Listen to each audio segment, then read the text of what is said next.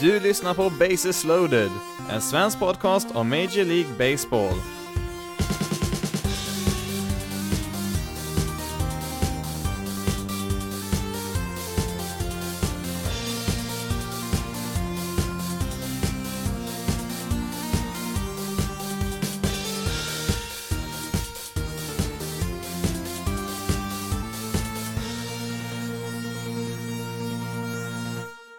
Och välkommen till veckans avsnitt av Bases loaded, en svensk podcast om Major League Baseball.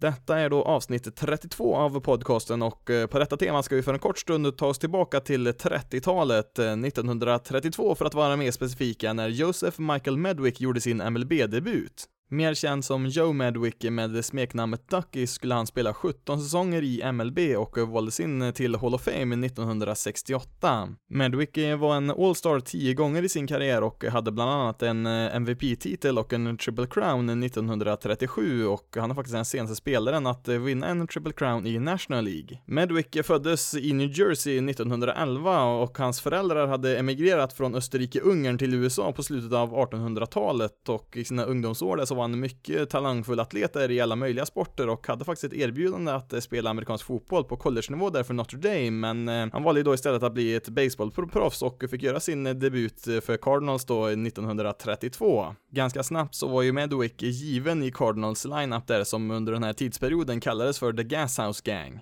Enligt sig själv så brydde han sig inte så jättemycket om vart strikezonen faktiskt var någonstans. Eh, han var inte där för att ta en massa walks, utan han svingade på allt han tyckte såg hyggligt ut där och eh, även om vi framförallt nu i mer modern tid vet att det oftast inte är en speciellt bra taktik att eh, tänka så, så fungerar det ändå för Med Medwick där på 30 och 40-talet då hans average inte var under 300 förrän hans 12 säsong i MLB. Inte helt oväntat då så blev det ju inte så jättemycket walks i karriären, men trots sin aggressiva spelstil som slagman så strök han faktiskt inte ut speciellt mycket heller, utan han strök faktiskt ut mindre än genomsnittet i MLB när han spelade, så att han fick det ändå fungera på något sätt. 1934, endast 22 år gammal, så hade ju Medwick redan etablerat sig som en av MLBs bästa slagmän och eh, det var ju just det årets World Series som Medwicks namn skulle bli mest känd för. Efter en stundtals stökig serie mellan Cardinals och Tigers gick serien till en sjunde och avgörande match som spelades i Detroit. Likt årets eh, femte avgörande match i NLDS mellan Braves och Cardinals så var även den här matchen ganska tidigt över där till Cardinals fördel. Det var nämligen så här att i den tredje inningen så producerade Cardinals sju runs och matchen var ju i princip över här men det var först i den sjätte inningen som det skulle smälla riktigt rejält här i Detroit. Det hela började med att Medwick slog iväg en lång boll till centerfield och eh, lyckades springa hela vägen för en triple, men vad som skedde där vid tredje bas, det råder det lite delade meningar om, men det skulle i alla fall resultera i ett väldigt unikt beslut från själva kommissionären som var på plats där på läktaren. Enligt vissa vittnen på plats där så ska Tigers tredje basman då Marvin Owen ha trampat eller avsiktligt knäat Medwick när han gled in där i tredje bas, eh, vilket skulle ha resulterat i att Medwick gav igen eh, med att sparka mot Owens ben eller mage. Mm, ja, som sagt, eh, vittnesmålen skiljer sig lite grann beroende på vem som berättar historien. Som sagt så var ju Medwick och hans Cardinals eh, väldigt nära en World Series-titel där och han ville ju inte göra någon större grej utav det här utan han räckte ut en hand där mot Owen där för att de skulle ta i hand där och lämna den här incidenten bakom sig men ja, Owen han var riktigt förbannad där och vägrade ju att ta i hand där och um, ja, förbannad det var ju även hemmapubliken för att när den första halvan av den sjätte inningen var över så stod det 9-0 till Cardinals och Medwick då skulle ta sig ut där på sin position i left field och eh, ja, det var då det stora spektaklet skulle dra igång. Hemmapubliken där då i Detroit eh, var ju fortfarande rasande på Medwick och eh, kastade diverse frukter och grönsaker på planen mot honom där som de av någon anledning hade med sig där på läktaren och eh, ja, när allt frukt och grönt tog slut så började man kasta, ja, korvbröd, tidningar och ja, allt möjligt löst man kunde hitta. Matchen fick ju stå stilla i en 20-30 minuter och hemmalaget fick ju vädja till sin publik att sluta kasta in saker för annars så riskerar ju Tigers att förlora matchen på walkover om de inte kunde fortsätta spela. Det var då som kommissionär Kenneth Mountain Landis klev in i bilden och tog eh, vad som ännu idag är ett unikt beslut. Landis då, kommissionären, som ja, alltså dåtidens motsvarighet till Robert Manfred som har titeln just nu, ja, han skulle ju aldrig gå med på att bryta en World Series-match där mitt i matchen, även om den i praktiken redan var över där eftersom det stod 9-0, men efter att ha pratat en kort stund med Owen och Medwick om situationen där så beslutade sig Landis att utvisa Medwick där från matchen för att, ja, dels för hans egen säkerhet och för möjligheten att eh, kunna fortsätta spela matchen. Sen man började spela World Series-matcher i början på 1900-talet så har det bara hänt 22 gånger att en spelare eller manager har blivit utvisad från en match i World Series-sammanhang och i princip alla de här tillfällena så har det varit på grund av, ehm, ja, att de har klagat lite för mycket på domarna. Med andra ord så är ju Medwicks öde här i match 7 1934 helt unikt, i alla fall då i World Series-sammanhang. Det är väl möjligt att det kanske kunde ha hänt i grundspelet någon gång för jätte, jätte, jättelänge sedan också, men eh, det är inte direkt eh, varje dag man hör talas om en spelare som eh, blir utvisad för att, ja, för sin egen säkerhet. Eh, visst att en eh, del personer i publiken även i modern tid kan vara lite väl irriterade på vissa spelare i bortalaget, men det går ju aldrig så långt som att man måste plocka ut spelaren från matchen för att eh, den inte ska råka illa ut. I vilket fall som helst, eh, Joe Medwick hade ju förutom den här matchen en väldigt lång och framgångsrik eh, karriär och blev ju som sagt invald i Hall of Fame som resultat, eh, men det är fortfarande den här incidenten som är den enskilt mest kända händelsen i hela hans karriär. I efterhand då i intervjuer så har ju Medwick sagt att han tycker att det var rätt beslut att ta bort honom från matchen där så att de kunde spela klart. Sen så höll han väl inte med om beslutet just där och då när det togs, men sen har han väl också sagt att han gärna hade sett att Tigers Marvin Owen hade fått samma bestraffningar i matchen, att han också hade utvisat det så att båda personer i incidenterna hade fått lämna matchen, vilket kan tyckas vara logiskt, men eh, nu blev det ju inte så, utan eh, det var bara Medwick som blev utvisad där efter den här incidenten.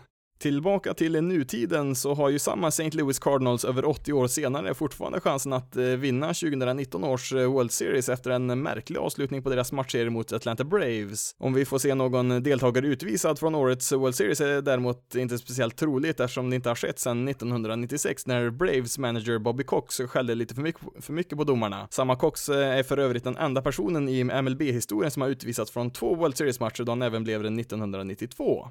I avsnittet 32 då som tillägnas Joe Ducky Medwick ska de fyra divisionsserierna summeras och vi tittar närmare på båda ligornas eh, Championship Series som har spelats i några matcher här nu. Sen så ska jag även ta ut eh, mitt All-Star-lag från American League den här gångna säsongen. Vi börjar med att eh, kort summera de fyra divisionsserierna som blev betydligt jämnare än vad de flesta kunnat tro på förhand, men vi börjar med den enda serien som inte krävde alla fem matcher för att avgöras. Yankees behövde ju bara tre matcher för att svepa Twins i en eh, matchserie som var en, eh, ja, en stor besvikelse. Två extrema slaggen-giganter i år som slagit över 300 homeruns per lag i år och eh, det var ju en intressant bakgrund till det här mötet, men det var ju bara Yankees som verkar vara redo att bjuda upp till kamp här i matchserien. Twins hade ju verkligen ingenting att sätta emot här och var väl egentligen aldrig ens nära i någon match här och har väl inte så jättemycket mer att säga än vad jag sa i förra veckans avsnitt där när det stod 2-0 i matcher. Ja, Yankees vinner ju då match 3 där med 5-1 och ja, de kan ju ganska komfortabelt och relativt utvilade ladda om för en betydligt hårdare duell mot Astros i ALCS. Det är väl eh, dock inte någon bortkastad säsong för Twins är snarare tvärtom. Det har varit en riktigt bra säsong i Minnesota och som eh, de säkert kommer att inse här när besvikelsen från deras uttåg i slutspelet har lagt sig. 101 vinster och en divisionsseger var helt klart över förväntningarna, men frågan är också hur många extra vinster man får när man spelar sammanlagt 38 matcher mot eh, Kansas City Royals och Detroit Tigers, två av ligans sämsta lag i år. Faktum är att Twins record i år mot lag över 500, alltså lag som har vann fler matcher än de förlorade, det är 32 vinster och 37 förluster förluster så att, eh, ja, man spelar inte riktigt lika så bra när man mötte bättre motstånd i år. Yankees vinner ju då med 10-4, 8-2 och 5-1 och nej, det var aldrig nära i den här serien. Yankees kan ju mer eller mindre promenera till nästa omgång här och eh, ja, sju runs eh, på tre matcher är alldeles för dåligt för ett lag som Twins där offensiven är en nyckelfaktor. I och med de här tre förlusterna så innebär det att eh, Twins nu har förlorat 16 slutspelsmatcher i rad, varav 13 eh, har varit mot Yankees och mm, ja, i de fyra stora sportligorna i Nordamerika, alltså MLB, NFL, NBA och NHL, så är nu Twins tillsammans med Chicago Blackhawks på 70-talet de enda två lagen som har förlorat 16 matcher i rad i slutspelssammanhang. Twins hade väl några spelare som slog rätt okej okay här i serien. Eh, Luis Arise, eh, trots sin fotskada, fick ihop en fem hits på 11 försök och även Nelson Cruz och Eddie Rosario hade väl viss eh, framgång, men eh, som sagt, Twins slagmän fick väl ihop lite hits här och där, men resulterade ju sällan i några runs där till skillnad från Yankees då, som fick ihop 23 runs där mot Twins 7. Kanske mest talande var Twins resultat med runners in scoring position, alltså de tillfällen då ett lag har minst en base runner på antingen andra eller tredje bas. Ehm, under grundspelet så var deras betting average i de situationerna 2,92, vilket såklart ledde till en hel del runs, men i tre matcher mot Yankees lyckades man eh, bara få till tre hits på 28 tillfällen med runners in scoring position, vilket innebär ett average på 1,07 i de situationerna. Twins hade väl en liten chans där i avgörande match 3 där att förlänga matchserien när man ganska tidigt där redan i första inningen hade bases loaded med noll outs där, men Luis Severino som startade där för Yankees redde ut den stormen till slut och ja, det är en sån där situation som Twins bara måste ta vara på där om de ens ska ha en chans. Eh, sen så var ju Yankees eh, försvar eh, också ganska bra där i sista matchen och plockade bort en hel del hits där för Twins så att man hade väl kanske inte marginalerna med sig heller där från Twins sida, men ja, i det stora hela så spelar det ingen roll. Man hade ju ingenting alls där att sätta emot Yankees. Vet inte riktigt hur mycket vi kan eh, dra slutsatser från den här serien angående Yankees då eftersom det är svårt att veta riktigt hur bra deras motståndare då, Twins, mäter sig mot de andra slutspelslagen i år. I vilket fall som helst så gjorde ju Yankees det som krävdes här och lite till och eh, det var ju faktiskt en väldigt bra spelad serie från deras eh, sida. Det blir nu en repris på 2017 års eh, American League Championship Series där Houston Astros eh, återigen står som motståndare och eh, även om Astros är favoriter så tycker jag nog personligen att Yankees stärkt sin ställning här i slutspelet efter de tre första matcherna där och jag är väl inte längre lika tveksam till deras möjligheter att få fortsätta framgångar här i årets slutspel.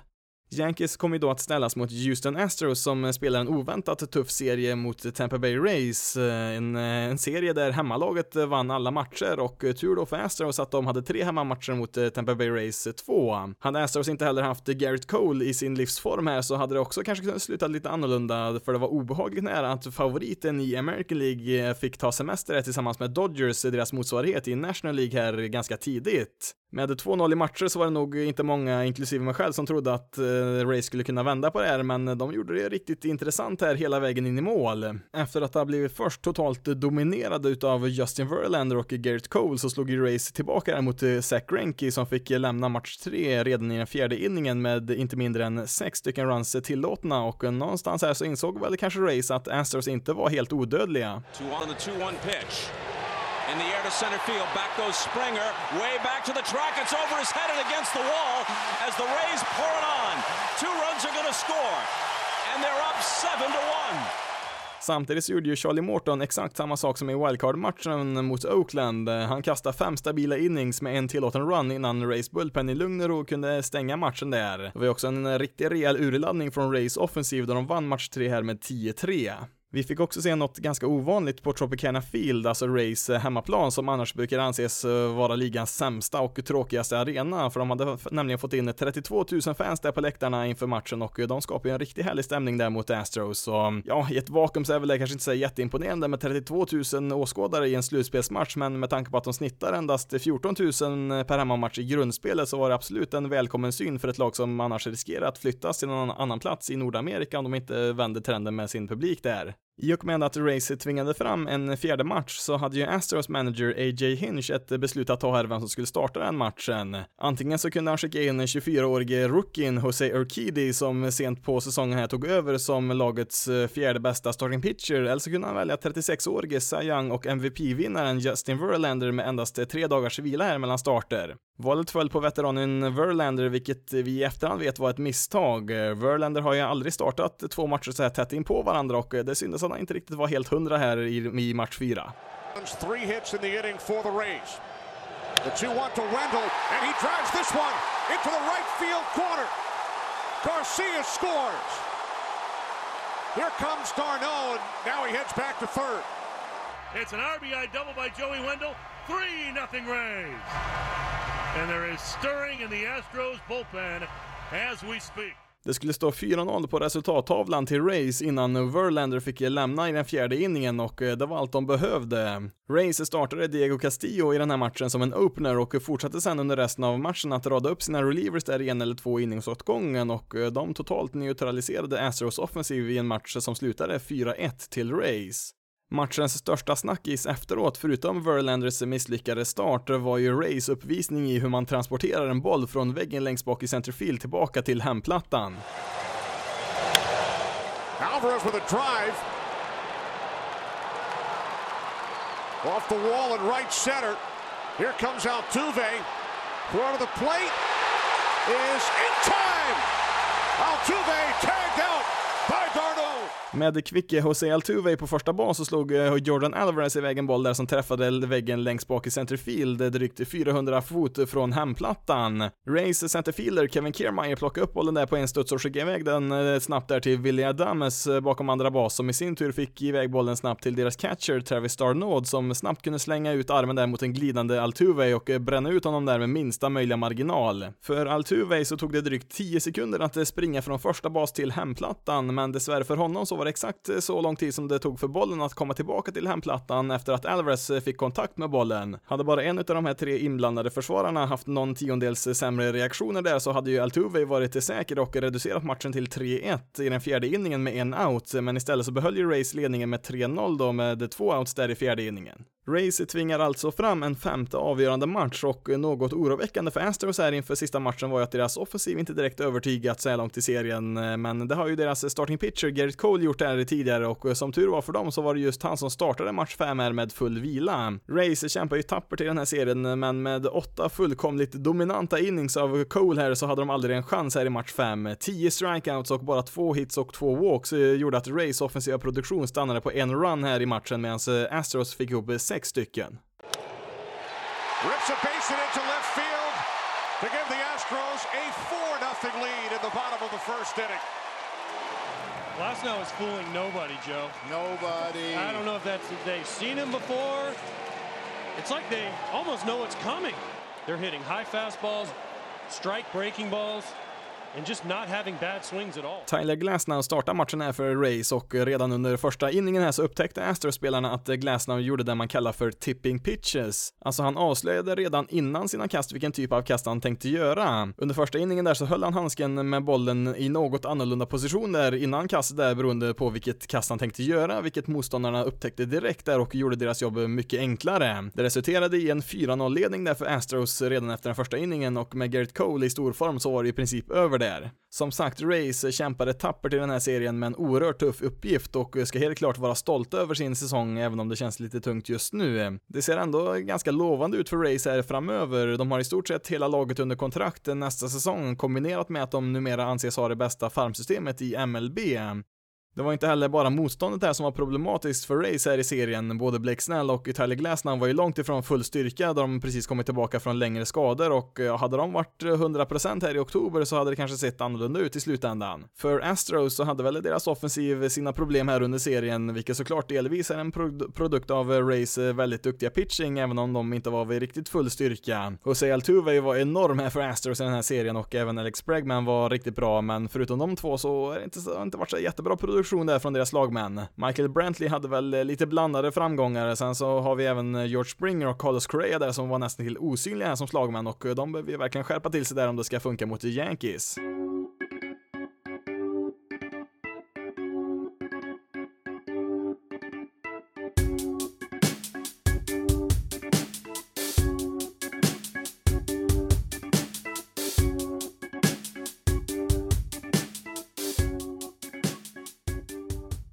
Den jämnaste serien hade också det mest ojämna avgörandet. Eh, efter fyra riktigt täta matcher mellan Cardinals och Braves, eh, där ledningen eh, svängde fram och tillbaka, så blev det ju en riktig besvikelse där i match 5, där matchen var avgjord redan efter första inningen. Som jag sa redan innan serien startade så tycker jag att Braves fortfarande har ett bättre lag än Cardinals, men de har ju verkligen inte haft marginalerna med sig i den här serien som har varit så här oerhört jämn.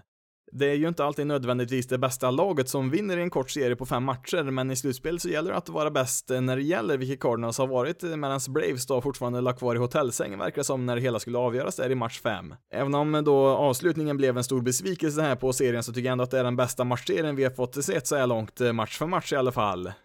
Efter att ha vunnit en varsin utav de två matcherna i Atlanta så hände ju detsamma i St. Louis. Eh, Braves var det ju också något vågat att starta Mike Soroka först i match 3 på bortaplan då hans eh, siffror på bortaplan är betydligt bättre, men det innebär ju också att han bara kunde kasta en match här från start. Nu gick det i alla fall vägen här i just match 3 för Braves, eh, där han och Cardinals starting pitcher Adam Wainwright svarade för en enorm pitcherduell. Efter sju innings så fick eh, Soroka kliva av där vid underläge 1-0 för Braves medan Wainwright fick ett par outs till där i åttonde. För övrigt samma Wainwright som eh, vi inför säsongen inte var helt säkra på om han ens skulle få en plats i Cardinals rotation här i år. Wainwright har ju hunnit eh, fylla 38 här och hans rookie-säsong utspelar sig så långt bak som 2006 när han var med och vann det årets World Series där med just Cardinals. Veteranen Wainwright vann väl tekniskt sett pitcherduellen där med den betydligt yngre 22-årige Mike Soroka, men det var till slut Brave som vann match 3. Med en 1-0-ledning i sista inningen där så vände sig Cardinals till sin closer Carlos Martinez som först tillät en kvittering och med Braves-spelare på andra och tredje bas så var det återigen dags för Adam Duvall att spela huvudrollen sent i en match. Now runners at second and third. And here is Adam Duvall again, his second plate appearance. Martinez deals, and that one's driven into center field. Bader coming in, can't get it. It's down. One run is in. Ortega. Here comes Swanson. He will score. And Adam Duvall strikes again. A two RBI double for Duvall. 3-1 Atlanta in the ninth. 3-1 till Braves stod sig matchen ut här och eh, Carlos Martinez eh, har ju sett ganska skakig ut under slutspelet här som deras closer och eh, ja, vi får se här i serien mot Nationals här nu som de spelar om man kommer få lika mycket förtroende där. Det blev sen lite omvända roller i match 4 där Braves hade ledningen med 4-3 inför den åttonde inningen, eh, men då klev ju Cardinals catcher Jadir Molina in där i huvudrollen, en spelare som innan den här matchen bara mäktat med en hit i hela serien, men i match 4 här så hade han två hits som skulle avgöra matchen. And Molina shoots one to right off the glove of Freeman. In the score is Goldschmidt, and this game is i den åttonde inningen där så lyckades då Molina slå iväg en boll som redsamt seglade över Freddie Freemans handske där, eller ja, den touchade väl till och med toppen på handsken där och eh, hade Freeman varit ett par centimeter längre där så hade han väl fångat bollen där och avslutat inningen med Braves och är kvar i ledningen. Istället så kunde ju Cardinals springa in en run där för att kvittera matchen och eh, det gick ju sen till extra innings så det återigen blev dags för Molina att slå. Tehran deals, Molina in the air, left field. Duvall's got a great arm, but that is deep. Wong ready to run. He tags. Here he comes. Duval's throw, no chance. And the Cardinals have won game four. When the Cardinals need a moment, They look to Yadier Molina, not once, but twice in this game. Även Yadier Molina börjar väl bli lite gammal här. Han har ju fyllt 37 nu och eh, ja, även han var ju med och vann den där World Series-titeln med Cardinals i 2006 och eh, här då så kliver han ju fram eh, efter en annars ganska anonym serie här för honom och tvingar fram en match 5. Som jag sa tidigare så tyckte jag att det här var den bästa matchserien, men match 5 blev ju inte som ja, någon hade förväntat sig egentligen. Jag tror inte ens att Cardinals hade vågat eh, tänka att det skulle kunna gå så här bra. Mike Foltynewicz eh, fick förtroendet för Braves att eh, starta efter sin riktigt fina start här i match 2 och han fick återigen ställas mot Jack Flaherty där i Cardinals. Det blev dock ingen repris här för Foltynewicz eh, som bara fick en out här i första inningen innan han ersattes utav Max Fried efter sex stycken earned runs. 14 slagmän fick Cardinals skicka upp bara i den första inningen och jag tror faktiskt faktiskt samtliga nio spelare i Cardinals lineup, inklusive deras pitcher Flaherty, sprang in en run i den här inningen som avslutades med ställningen 10-0 till Cardinals. Där var det ju helt enkelt god natt för Braves säsong. 10 runs, det är lika många runs som Flaherty tillät på sina 15 sista starter i grundspelet och eh, ja, det spelar väl nog inte så här jättestor roll vem egentligen som kastar för Cardinals där efter första inningen med de här siffrorna. En riktigt pinsam insats är från Braves i inningen här som innehöll nästan allt. Det var errors, det var ett par walks där med bases loaded och en tappad tredje strike som resulterade i en run och ja, det var säkert en del andra bedrövliga händelser där också. En riktig mardrömsinning för Braves. Matchen slutar då till slut 13-1, alltså den femte avgörande och lite överraskande ändå så är ett av lagen i NLCS då St. Louis Cardinals. Braves kan väl inte bara skylla på att bollen hade en tendens att eh, studsa fel här i serien, även om de hade en hel del missflyt här i vissa matcher. Ronald Acuna var ju deras klart bästa spelare och eh, ja, även Dansby Swanson där på shortstop var ju bra och eh, Adam Duvall hade ju ett par enorma hits här i serien och ja, Ossie Albis var väl också helt okej okay där. Däremot deras superstjärnor Freddie Freeman och Josh Donaldson hade ju väldigt liten inverkan på serien offensivt och resterande spelare var ett stort svart hål i deras lineup också. Hade de fått ungefär samma offensiva produktion som under grund grundspelet så hade ju Braves förmodligen vunnit den här serien i mindre än fem matcher, men eh, tyvärr från det, för deras del där så vek de ju ner sig när det gällde som mest.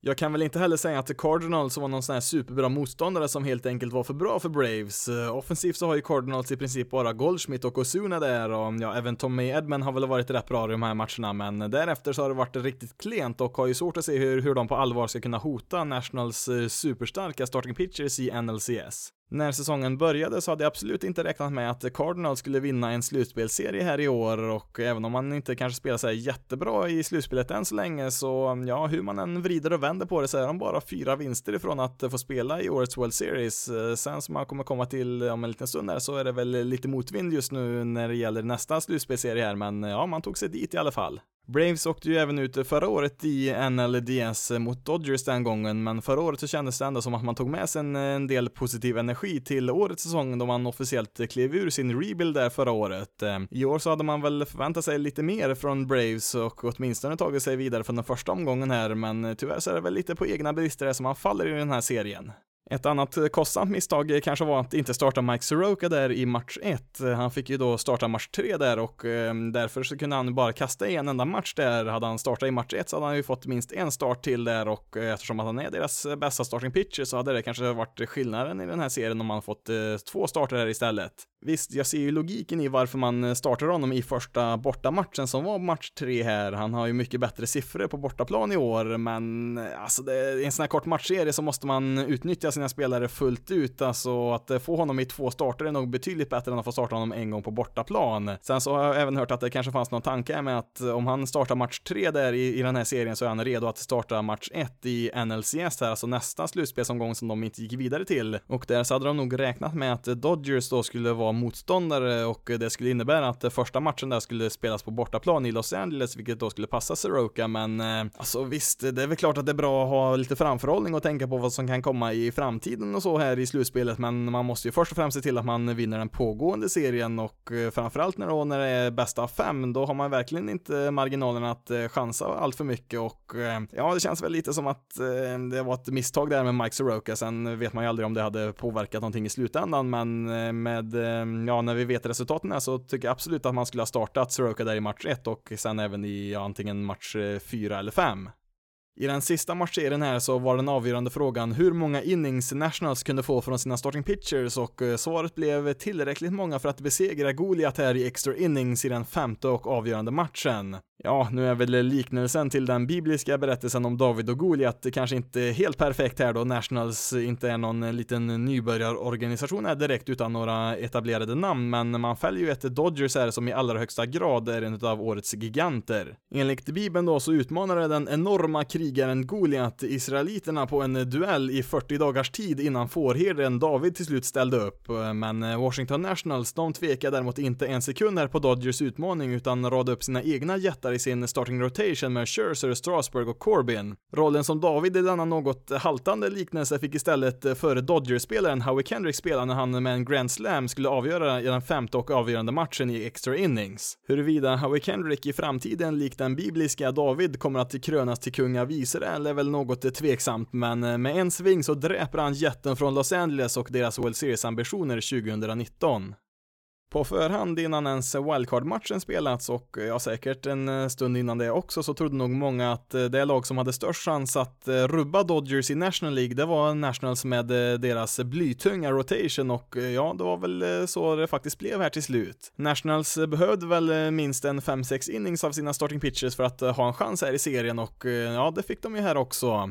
Efter en vinst var i de två första matcherna så var det Patrick Corby som skulle sumpa match 3 för Nationals, men inte som starting pitcher utan som relief pitcher. Han kom nämligen in i den sjätte inningen där med en ledning för Nationals eh, med 2-1 där, men Corbyn lyckades inte den här ovana rollen som reliever där och eh, tillät 6 runs och ja, Dodgers vann eh, där till slut ganska lätt med 10-4. I match 4 sen då så fick ju Nationals eh, sju innings från Scherzer där som eh, tillät en run, vilket var den enda Nationals gav upp där samtidigt som Nationals offensiv producerade sex stycken där och ehm, ja, det innebar ju att även den här matchserien fick avgöras i en femte och avgörande match som skulle spelas i Los Angeles. Kollar vi på hela slutspelet här då i divisionsserien så spelades ju tre stycken femte avgörande matcher, men det här var den helt klart bästa då som Dodgers och Nationals spelare. Till skillnad från Braves då så berodde väl inte Dodgers nederlag så mycket på egna misstag i serien, utan de stötte på ett riktigt bra lag här i Nationals, men här i match 5 så var det ändå en del saker de säkert hade velat göra om här om de fick chansen. Steven Strasburg såg ju dominant ut i sin första start här i serien för sitt Nationals, men i match 5 där så attackerade ju Dodgers honom direkt här och eh, ledde med 3-0 redan efter två innings och eh, ja, det skulle faktiskt stå sig sen eh, hela vägen till den sjätte inningen när Juan Soto till slut kunde driva in en run där mot Walker Bueller. Bueller fick ju ett par outs där i den sjunde inningen innan han plockades ut och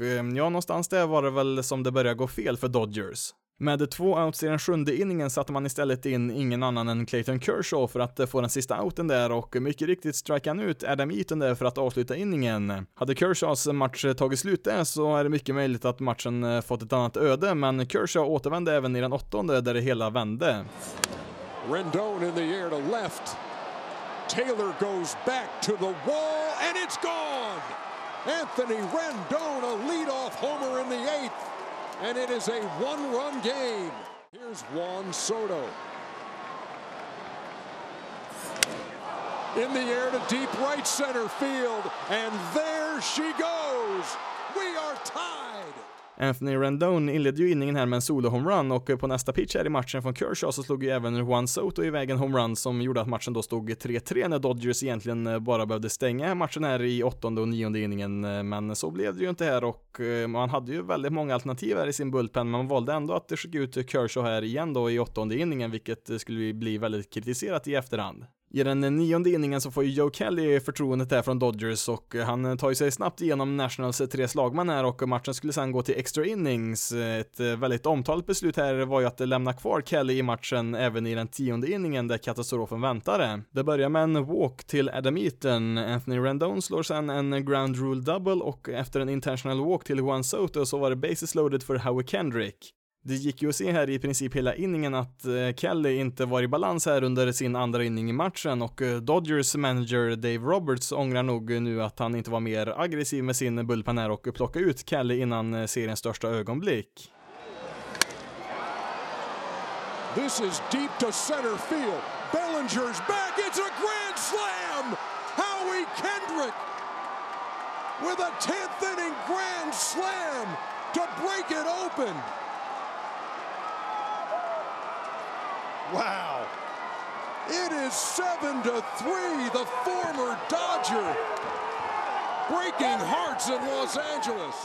Ett chockat Dodgers åker ut redan i divisionsserien efter en 7-3 förlust i den femte och avgörande matchen i en säsong som trots 106 vinster är ett rejält fiasko. Jag har sett att Dave Roberts då, alltså Dodgers manager, har fått mycket skit för hans agerande här i match 5 och eh, visst, det finns en del som är absolut är rättfärdigat också. Clayton Kershaw som stundtals haft det svårt i slutspelssammanhang borde väl aldrig ha varit i den här matchen och ja, framförallt då bara några dagar efter sin senaste start. Ehm, Kershaw som är sin generations bästa pitcher i MLB har absolut presterat sämre i slutspelet, eh, men eh, jag är väl inte helt ombord på att han är en bedrövlig pitcher så fort eh, kalendern slår över till oktober. Han har ju faktiskt en hel del dominanta framträdanden även i slutspel och samtidigt så har han väl mer än många andra pitchers tvingats kasta både som starter och reliever med kortare vila än vanligt, vilket dragit ner hans statistik en hel del då han inte helt oväntat har varit mindre effektiv i de matcherna. Hans ERA på 4,43 i slutspel är väl absolut absolut inte tillräckligt bra för en pitcher av hans kaliber, men det är väl inte heller ett resultat som säger att han har varit så här brutalt dålig som en del verkar tycka. Det är ju en ERA som motsvarar en starting pitcher som i snitt tillåter tre runs på sex innings, vilket såklart inte är optimalt, men långt ifrån katastrofalt. Kershaw har ju absolut varit sämre när det har varit eh, slutspel sammanlagt i alla fall och eh, det erkänner han ju själv också i intervjuer här efter matchen att eh, det gick ju inte att gömma sig från de här resultaten då, men han har ju som sagt då inte varit så här helt värdelös som en del verkar tro att han har varit i varenda slutspel. Nu hade ju då Kershaw mindre vila än vanligt här i match 5 när han kom in och med hans historia så känns det ju inte riktigt rätt att sätta in honom här och ja, det straffar sig ju här också. Han är ju inte riktigt samma pitcher som han en gång var. Han är fortfarande bra, men han är ju inte så här riktigt dominant som han var när han var som bäst. Kenta Maeda som ersatte Kershaw sen striker omedelbart ut tre motståndare i rad och eh, visste visst, det är lätt att vara efterklok och eh, visst, nu slapp ju Maeda att kasta mot eh, både Rendon och Soto, men det skulle ju ha varit hans inning här egentligen för Kershaw. Eller ja, varför inte vänsterhänte Adam Kolarek som specialiserat sig i den här matchserien på att få ut specifikt Juan Soto som han fått ut tre gånger tidigare här i serien och ja, även han hade väl varit ett bättre val här.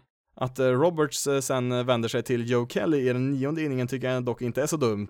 Visst, Kelly hade väl lite tufft här i någon match tidigare mot Nationals, men visar ju här just nionde inningen här att han klarar av situationen då han fick ut tre spelare i rad. Misstaget var väl istället att skicka ut honom för en andra inning där, alltså den tionde inningen. Har sett en del som funderat på varför Kenley Jensen inte fick chansen där i nionde inningen och eh, svaret är ju att han eh, har inte spelat tillräckligt bra i år för att eh, få det förtroendet. Jensen är ju en av MLBs bästa relievers de senaste åren, men likt Cubs Craig Kimbrell så har ju ingen av de här två direkt imponerat just den här säsongen. Hade det varit bättre att slänga in honom i den tionde inningen? Ja, kanske det. Eller ja, det är klart det hade varit bättre när vi vet hur det slutar, men det är ju lika mycket tryck i den tionde inningen som det är i den nionde och litar man inte på Jensen i den nionde inningen så, mm, ja, då är väl inte tionde inningen något bättre heller för honom. Om man då inte är så förtjust i Jensen så finns det ändå en hel del andra alternativ där i deras bullpen och framförallt då när Kelly börjar se riktigt skakig ut där så måste ju Roberts agera där och sätta in någon annan för att det syntes ju på långa vägar där att det var på väg att gå ut för det i ett extremt känsligt läge i matchen. Men nu blev det ju som det blev här och för första gången i Nationals historia så har de avancerat till NLCS, vilket såklart är väldigt kul att se. Det är ju lätt här efter match 5 att skylla allt på Dodgers, att det är deras eget fel att de inte går vidare, men vi får inte glömma att eh, Nationals har en riktigt bra, bra roster här som eh, glömdes bort lite grann här under året. De inledde säsongen ganska dåligt med ett record på 19 vinster och 31 förluster en bra bit in i maj månad. National Starting Pitchers gjorde för det mesta sitt jobb här och gav laget chansen. Juan Soto och Anthony Rendon, lagets två största stjärnor i deras lineup, var ju enorma här och eh, klubblegenden Ryan Zimmerman som eh, kanske gör sin sista säsong i Nationals och ja, kanske i karriären har ju återuppstått där så här långt i slutspelet efter några ganska mediokra säsonger här på sistone. Till skillnad från Cardinals som man nu möter i nästa omgång här så har ju Nationals betydligt fler kompetenta slagmän på sin roster bakom sina superstjärnor, vilket såklart talar för dem i NLCS. Lika suverän som Rendon och Soto var för Nationals så var ju Max Muncy för Dodgers som gjorde allt för att hjälpa sitt lag här och ja, även Justin Turner och Jock Peterson hade ju en fin serie här för Dodgers, men mest av allt så saknar man ju Cody Bellinger som mäktade med bara fyra hits på 19 at-bats och ett par walks där, vilket inte duger för en MVP-aspirant. Även deras shortstop Corey Seager var ju osynlig och ja, A.J. Pollock i centerfield var ju fullständigt bedrövlig. Inte, inte en enda hit hade han på 14 play appearances, så att eh, det fanns ju att en del som underpresterade här också i Dodgers. Visst, eh, nu kan ju mycket hända på några få matcher, men framförallt Bellinger måste ju göra det som Rendon och Soto gör för Nationals och det som Osuna och Goldschmidt gör för Cardinals. Eh, Bellinger är ju en av Dodgers största stjärnor i år, men tyvärr så försvann han ju totalt här i slutspelet när de behövde han som mest. Som jag sa i förra veckans avsnitt så vill jag helst se Dodgers spela mot Astros i årets World Series, men jag unnar ju absolut Nationals deras avancemang här som de verkligen har förtjänat efter så många tunga slutspelsförluster de senaste åren. Och frågan är ju om det inte innerst inne sticker lite i ögonen här på Bryce Harper som får sitta i tv-soffan och se sitt före detta Nationals avancera i slutspel utan honom.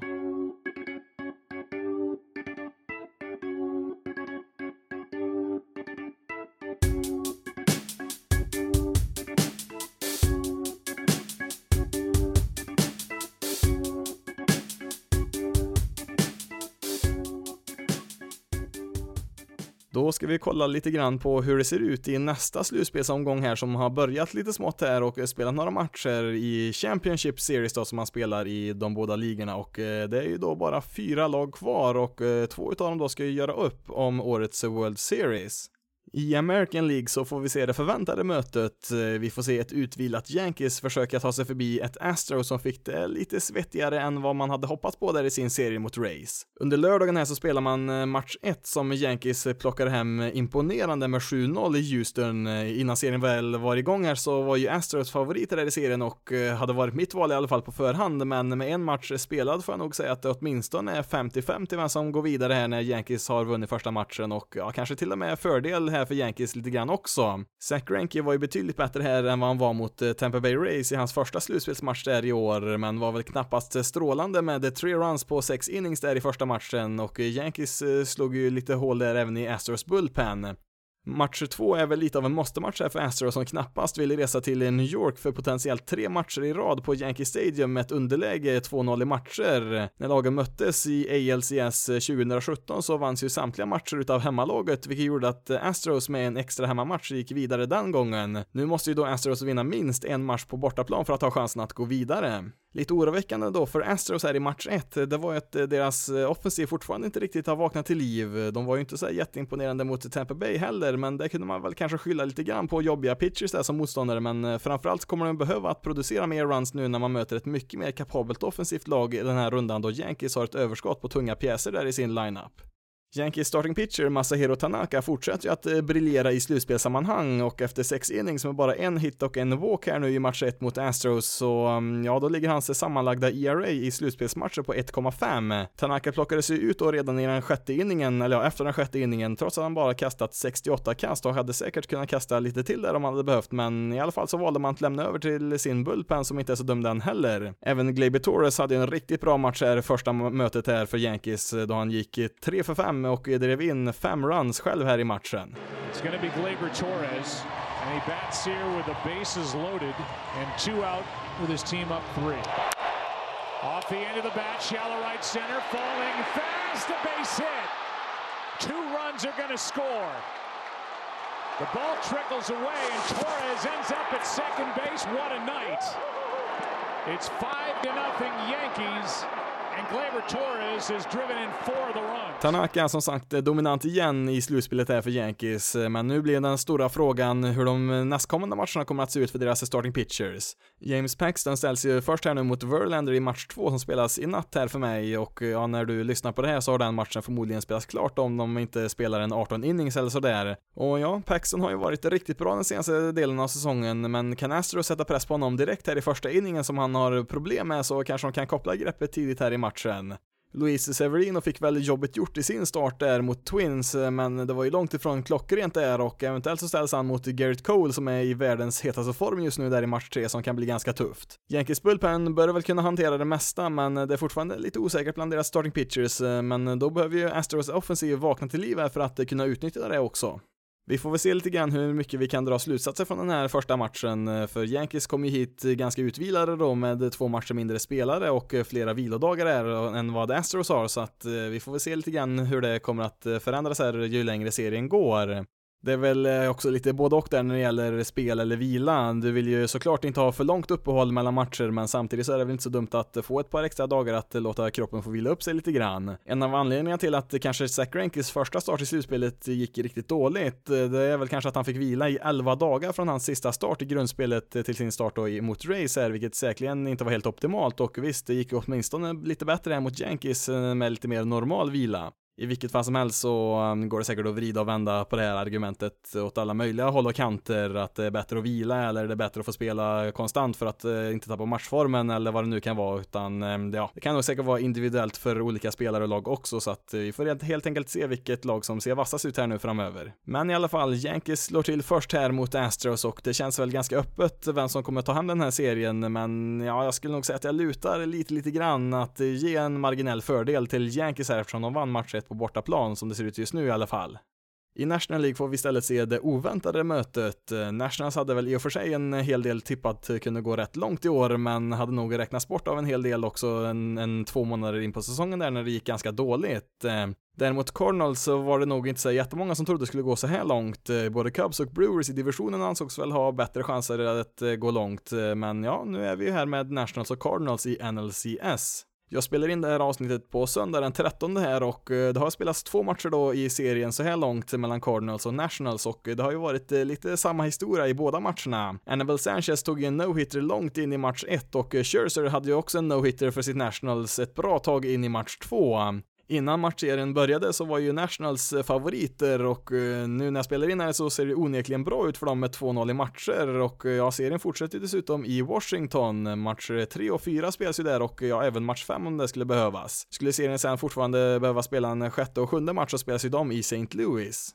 Jag har ju pratat väldigt mycket om Nationals starka trio bland sina starting pitchers med Scherzer, Corbin och Strasburg, men Annabel Sanchez är ju ingen gröngöling han heller. Sanchez har ju haft många framgångsrika år i MLB, men såg väl ut att vara slut där för ett par år sedan hans tid i Tigers avslutades efter ett par tuffa år. Han gjorde lite av en comeback förra året med Braves och hade lite i skymundan en ganska effektiv säsong även i år för Nationals med en ERA på 3,85 på 30 starter. Vi kan väl säga så här att det ser väl inte så jättelovande ut för Cardinals fortsatt här i serien igen för att, eh, ja, den svagaste länken i Nationals uh, starting rotation då, alltså Annabelle Sanchez, tog ju en no-hitter där i match 1 mot Cardinals i nästan åtta innings, så att, uh, ja, det är en tuff uppförsbacke just nu för Cardinals. See what they go in two, two outs, and a swing and a line drive into center field, that's down, base hit. And the no-hitter is over, and now the Cardinals will bring the tying run to the plate. Now the wheels will get in motion for Dave Martinez. An extraordinary performance from Anibal Sanchez. Seven and two thirds of no-hit ball in game one of this NLCS. Som jag nämnde tidigare så finns det inte så jättemycket mer än Goldschmidt och Osuna i nuläget i Cardinals offensiv och eh, på de två första matcherna så här långt så har de fått ihop sammanlagt fyra hits på 56 at-bats, ett betting average då på under 100 i de matcherna. Som alltid får man ju säga att vad som helst kan ju hända i några få matcher, men eh, som det ser ut just nu så kan jag inte se hur Cardinals ska kunna vända det här. Det enda sättet är väl nästan om man eh, på något sätt lyckas slå ut en utav National Starters här ganska tidigt så att de måste använda sin sårbara bullpen mycket mer, för där kan man nog hitta lite framgångar, men tyvärr så verkar inte den här offensiven i Cardinals eh, ha det som krävs för att lyckas med det. Braves eh, hade väl inte några så här jättedåliga starting pitchers på pappret i alla fall, men eh, Nationals är ju på en helt annan nivå i den kategorin och eh, nu måste man ju först besegra Steven Strasburg i match 3 och även sen då Patrick Corbin i match 4. Säger inte att det nödvändigtvis kommer att sluta med att Nationals sveper den här serien i fyra raka matcher, men jag skulle väl inte bli så jätteöverraskad om det skulle bli så heller. På tal om starting pitchers så är det ju knappast eh, Cardinals pitchers som har tappat matcherna. Resultaten är ju bara 2-0 och 3-1 så här långt och ja, de har ju absolut hållit kvar Cardinals i matcherna, men återigen så finns det ju inte ett spår utav en kompetent slagträ just nu i St. Louis lineup. Återigen så är det lite synd om Cardinals starting pitcher Adam Wainwright som kanske gjort sin sista match i karriären eh, då han för andra matchen i rad här i detta slutspel kastar hur bra som helst där för att sen se sitt lag förlora. Han kastar ju här i match två och eh, Wainwright hade ju tillåtit bara en run där på sju innings och eh, där hade han väl kanske förtjänat att få komma ut där ur matchen och låta deras bullpen ta över men han fick bli kvar där och tillät ett par runs till där i den åttonde som skulle bli skillnaden här i matchen som slutade 3-1 i Nationals. Som sagt, vad som helst kan ju hända inom loppet av några matcher, men det ser ju extremt tungt ut för Cardinals att kunna vända det här och eh, ja, Nationals går ju mot sin första World Series ser det ut som just nu.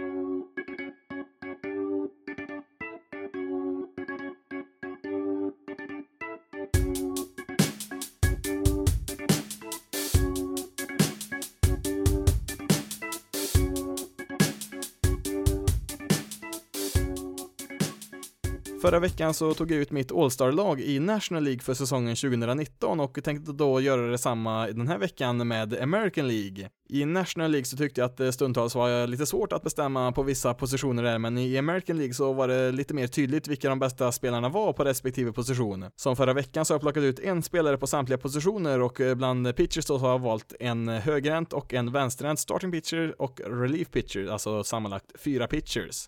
Vi börjar med catcher-positionen och ett något överraskande namn som jag hittade där när jag kollade upp en lite spelare, det var ju Mariners Tom Murphy som i och för sig bara spelar 76 matcher i år men fick ändå ihop en riktigt bra säsong, både offensivt och defensivt. Eh, även Red Sox eh, Christian Vasquez hade lite oväntat eh, sin bästa säsong i karriären men mitt val blev till slut Twins Mitch Garver. Kanske inte den bästa defensiva catchen i ligan, men han gör det väl ändå helt okej okay där och ja, många hade ju ett rekordår offensivt i år med den nya bollen, men Garver var väl en av dem som verkligen exploderade den här säsongen. Förra året så slog han iväg sju homeruns och i år så har han på nästan lika mycket speltid slagit iväg 31 stycken, vilket är en extrem skillnad vare sig bollen är annorlunda eller inte. Över 600 i slugging percentage och en VRC plus på 155 gör att han blir mitt val i år som catcher i American League. Mitch Garver har väl kommit upp i MLB relativt sent här i sin karriär och inleder ju sin tredje säsong i MLB nästa år som 29-åring.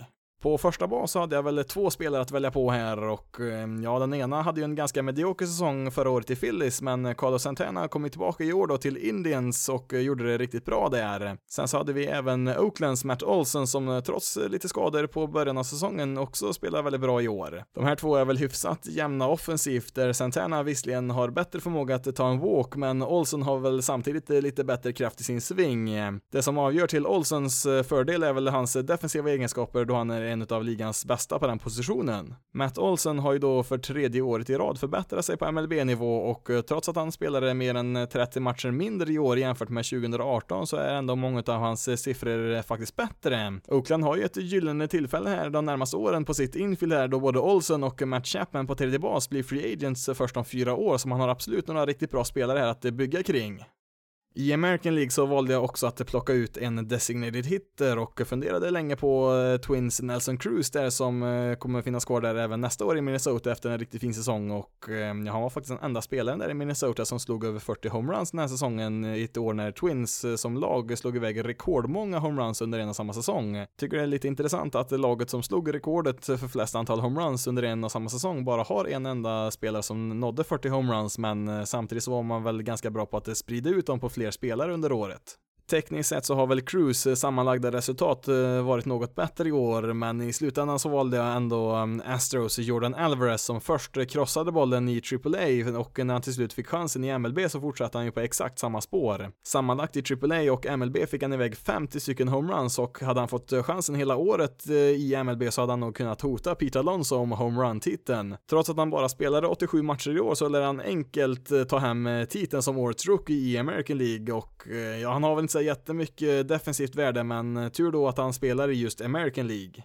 På andra bas så är det väl inget snack om saker vem som tar platsen. Yankees DJ LeMayu har ju visserligen spelat på lite andra positioner också på deras infield, men främst har han väl spelat eh, på andra bas. En del kanske kliar sig lite i huvudet där och undrade hur man eh, innan säsongen skulle få in honom regelbundet i deras eh, lineup där, men alla deras skador löste ju det problemet och med alla skadebekymmer som Yankees har haft i år så var ju LeMayu en av de spelarna som man kunde luta sig mot där i New York. På sju säsonger i Colorado så hade han väl egentligen bara en riktigt bra säsong 2016 2019 när han ledde hela MLB i betting average, men i övrigt så har det väl varit lite si och så, men Yankees här då har ju fått en väldigt bra produktion här under första året utav två på hans kontrakt som skrevs i vintras. På shortstop så måste jag ju tyvärr plocka bort en hel del spelare som under andra år hade förtjänat en plats här. Främst Sander Bogarts gör det lite ont att behöva lämna utanför, men tyvärr för hans del så har ju Oaklands Marcus Simeon varit klart bäst på positionen i år i American League. Semien har ju under sina första år i ligan haft ganska vardagliga siffror som inte varit något speciellt så, men det måste ha hänt någonting där förra året då han först utvecklades till en riktigt bra försvarare och i år så har han även hittat den rätta svingen då hans offensiva siffror har exploderat utöver väldigt bra defensivt spel. Den här säsongen så har han tagit eh, lite mer walks och kraftigt minskat sina strikeouts, vilket gav honom en eh, VRC plus på 137 i år. Kombinerat då med hans defensiv så hamnar han på en wins above replacement på 7,6 och eh, endast Trout, Bregman, Jelic och Bellinger kan toppa den noteringen i år. På tredje bas så är valet också ganska enkelt, även om jag tyvärr måste lämna ut eh, Marcus Semiens lagkamrat Matt Chapman och även Red Sox Rafael Dever som också varit riktigt bra i år. Valet blir istället eh, Alex Bregman som möjligtvis blir årets MVP i American League. Det är ju antingen han eller Trout som kommer vinna där och ja, det är väl ganska svårt att säga vem som förtjänar det mest, men eh, jag skulle bli chockerad om det inte var någon av de två som vann den eh, titeln till slut. Men i alla fall, på tredje bas är ju Bregman det självklara valet, även om han fick spela en del på shortstop i år för Astros när Carlos Correa var skadad. Han har en slashline på 2,96, 4,23, 5,92 och en eh, VRC plus då på 168. Han är faktiskt bara en av sju spelare i år med en on-base percentage över 400 och i American League så är det bara han och Trout som har det. Matt Chapman är ju helt klart en bättre defensiv tredje basman än Bregman, men inte tillräckligt för att det kommer ikapp Bregmans offensiva egenskaper i år. Det finns ju väldigt många stjärnor bland Astros position players, men just nu så är ju Bregman den största av dem alla. Likt förra veckan så har jag valt ut tre stycken outfielders utan att tänka specifikt på vilken outfield-position de har för att en del spelar ju på lite olika där och eh, jag har helt enkelt valt ut de tre bästa oavsett position. Först ut, utan att egentligen behöva motivera varför, det är ju Mike Trout som fortfarande är världens bästa baseballspelare även om det blev lite färre matcher i år då på grund av skada men eh, det är ju ingen tvekan om att han hör hemma på den här listan. Nästa outfielder och den tredje av fyra Astros-spelare som jag valt ut är George Springer som var extremt het i början av säsongen men åkte på en ganska dålig tajmad skada där i somras och eh, det blev till slut endast 122 matcher i år men producerade ändå riktigt bra på de matcherna. En stor del av produktionen kom ju då innan skadan här men han hade ju även en liten formtopp här i september. 39 homeruns eh, trots att han missade 40 matcher i år är också imponerande och det hade varit väldigt intressant att se hur hans säsong hade sett ut om han hade fått varit med hela året här. Till slut får vi även med en Red Sox-spelare för den sista outfieldern, det är Mookie Betts som har varit lite anonym i år. Han har ju spelat riktigt bra, det har han absolut gjort, men eh, han har ju inte varit i närheten av sin MVP-säsong som han hade förra året, vilket eh, kanske inte var realistiskt att förvänta sig heller, men det har ju gått ner ganska rejält i hans produktion den här säsongen. Kanske mest tydlig var hans nedgång i homeruns då han slog 32 stycken förra året och 29 stycken i år, men då hade han också 100 stycken fler plate appearances den här säsongen, vilket kan tyckas lite udda då med tanke på hur mycket längre bollen flyger i år. Men samtidigt så kanske det också säger en hel del om hur fantastiskt bra han faktiskt var under säsongen 2018. Det är väl lite tufft att kalla Betts säsong en besvikelse, men hade nog förväntat sig lite mer ändå från honom i en för övrigt ganska besvikelsefylld säsong för Red Sox som lag. Men i vilket fall som helst så är han en av mina tre bästa outfielders i American League 2019. Då ska vi kolla lite grann på pitchers här och eh, bland vänsterhänta starting pitchers så finns det väl inte någon sån här jätteklockren kandidat. Eh, bland alla starting pitchers i American League då med en ERA under fyra sitter vi fem stycken som är vänsterhänta och eh, visst, Marco Gonzales i Mariners och Brett Anderson i Oakland har väl haft hyfsade säsonger men platsar inte direkt på den här listan. Lägst ERA bland vänsterhänta pitchers har Mike Miner i Rangers och visst, nu finns det andra saker att ta hänsyn till här än bara ERA men det blev ändå till slut Miner som jag valde valde framför Red Sox Eduardo Rodriguez som kastade över 200 innings för första gången i sin karriär. Miner debuterade redan 2010 och har väl varit rätt anonym för en starting pitcher som har startat 170 matcher i MLB. Han hade väl en eh, ganska bra säsong där med Braves 2013, men annars har det väl eh, som sagt sällan varit några stora rubriker kring honom. 2017 så flyttades han ju faktiskt ner som reliever i Royals Bullpen, men förra året där så var det ganska stabilt där i Rangers, eh, men i år då så har han tagit ett kliv framåt och för första gången sedan 2013 så har han kastat kastat över 200 innings under en säsong. Han lär väl kanske aldrig vara någon superstjärna, men det finns väl inte heller någon direkt superstjärna överhuvudtaget bland vänsterända starting pitchers i American League i nuläget, så det får bli Miner som eh, får ta den här platsen och han har ju ett år kvar här nu i Rangers innan han blir free agent igen. Bland högerhänta pitchers eh, så fanns det väl egentligen bara två val och eh, det var ett extremt tufft val. Eh, visst, man kanske hade kunnat räkna med Charlie Morton också här som varit riktigt bra i år, även han, men det är hans före detta lagkamrater i Astro som slåss om titeln som bästa pitcher i American League. Under större delen av året så hade jag nog valt Justin Verlander, men strax innan säsongen var över så tycker jag nog ändå att Garrett Cole har varit marginellt bättre. Vem som än vinner årets Cy Young är absolut en värdig vinnare då både Cole och Verlanders siffror är i många fall Eh, nästan identiska. Coles ERA ligger på 2,5 och Verlanders på 2,58. Verlander har dock lite fler innings och har startat en match mer i år. Cole har väl något fler strikeouts än Verlander, men Verlander har väl också lite mindre walks tillåtna och eh, ja, Verlander har väl haft lite problem med att tillåta homeruns i år, men eh, där har väl inte Cole varit så extremt mycket bättre heller. Man kan ju som sagt välja vem som helst här egentligen av de här två, men till slut så fick det bli Garrett Cole för min del i alla fall. Då fortsätter vi med relievers och eh, Red Sox Bullpen var väl kanske inte sådär jättebra i år, men eh, när jag kollar på vänsterhänta relievers så, mm, ja, då hamnade jag till slut på Branton Workman. Egentligen så valde jag Yankees Rolly Chapman, men eh, precis innan jag spelade in här så kände jag att jag ändå var tvungen att välja Workman. Nu ska jag vara helt ärlig här och säga att jag inte är helt insatt i hur Red Sox använt honom i år och hur det sett ut när det gäller som mest här i matcher. Chapman är ju Yankees closer som alltid är den sista utposten där och får ju mest tryck på sig där och ja, men i alla fall så Workmans ERA ligger ju på, ja, han ligger på 1,88 och hans strikeout-siffror är faktiskt jämförbara med just Chapman. Han tillåter dock eh, betydligt fler walks än Chapman, men det som gjorde att jag till slut ändrade mitt val, det var det faktum att han har tillåtit endast en enda homerun på 71 innings. På något sätt så verkar ju Workman eh, ha trotsat eh, fysikens lagar då bollar flyger ur arenorna som aldrig förr och visst, Chapman tillåter ganska få han också, tre stycken tror jag han har tillåtit, men har också betydligt färre innings än vad Workman har i år. Bland de högerhänta relief pitchers så, Ehm, ja, då fanns det lite alternativ här. Astros Will Harris hade ju faktiskt lägst ERA av dem alla där på 1,5, men det blev faktiskt inte han som jag valde.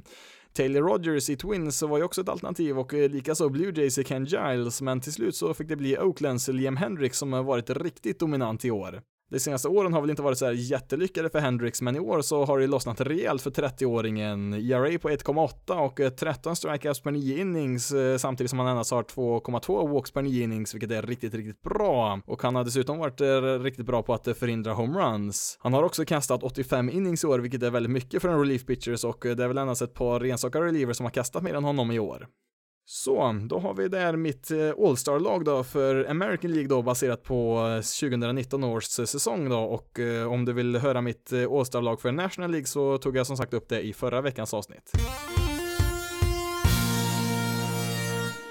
Ja, då får det nog räcka där för veckans avsnitt, för nu börjar vi närma oss timmen här igen och uh, har varit lite krasslig här i helgen och har lite ont i halsen här, så att nu vill jag helst inte prata något mer och om du tycker att min röst är lite annorlunda så vet du vad det beror på i alla fall.